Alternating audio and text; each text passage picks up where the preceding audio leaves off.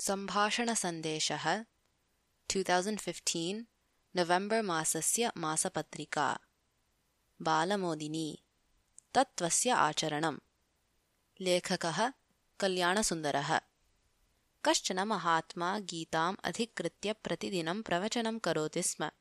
कश्चन सज्जनः प्रतिदिनं तत् प्रवचनं श्रोतुम् आगच्छति स्म नियततया।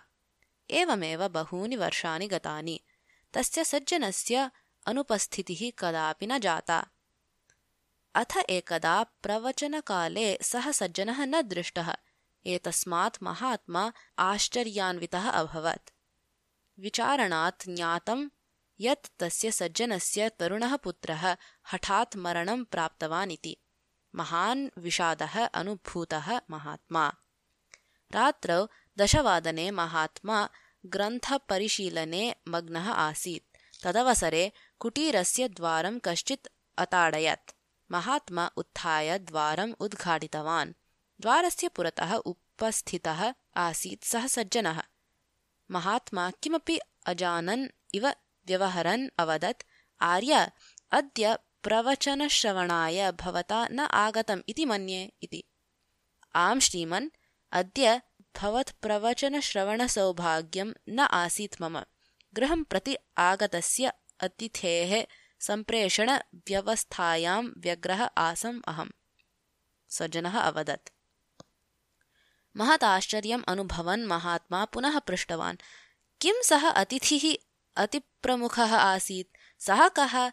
किमर्थं तस्य गमनस्य अवरोधः न कृतः भवता? तदीयनिर्गमनस्य अवरोधाय प्रयासः तु मया कृतः एव आपञ्चविंशतेः वर्षेभ्यः तस्य प्रीतिपूर्णः सहवासः आसीत् मम। अतः सम्प्रेषणव्यवस्थानिर्वहणे कश्चन क्लेशः समभूत्। एतस्य श्रवणात् महात्मनः नेत्राभ्याम् अश्रूणि आगतानि। भावगद्गदः सन् सः तस्य सज्जनस्य हस्तौ स्वहस्ताभ्यां गृहीत्वा महोदय वास्तविकः महात्मा अस्ति भवानेव। तरुणे पुत्रे दिवङ्गते अपि न अश्रूणि भवन्नेत्राभ्याम्। पुत्रस्य अन्त्यक्रियां निर्वर्त्य भवान् वदति अतिथिः प्रेषितः इति। दुःखकाले अनुद्विग्नता या भवता दर्श्यते सा तु अपूर्वा एव। प्रायः मया अपि एवं व्यवहर्तुं शक्यं स्यात् किम् इति अहं न जाने इति अवदत्।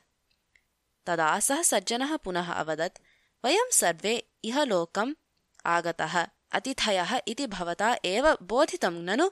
अत्र आगतेन सर्वेण अपि कदाचित् वा एतत् अतिथिगृहं त्यक्तव्यमेव। प्रारब्धकर्मानुगुणं भवन्ति सम्बन्धाः वियोगाः च। दुःखकाले अनुद्विग्नता भवेत् इति भवता असकृत् बोधितम् एव। तस्यैव आचरणाय मया प्रयासः कृतः। बोधनं सुकरम् आचरणं दुष्करम् मनोदार्ढ्यम् अवलम्ब्य भवता तत्त्वं यत् अनुष्ठितं ततः अहम् आश्चर्येण स्तब्धः अस्मि नतमस्तकः अस्मि। ममापि गुरुः अस्ति भवान् इति अवदत् महात्मा। कथा समाप्ता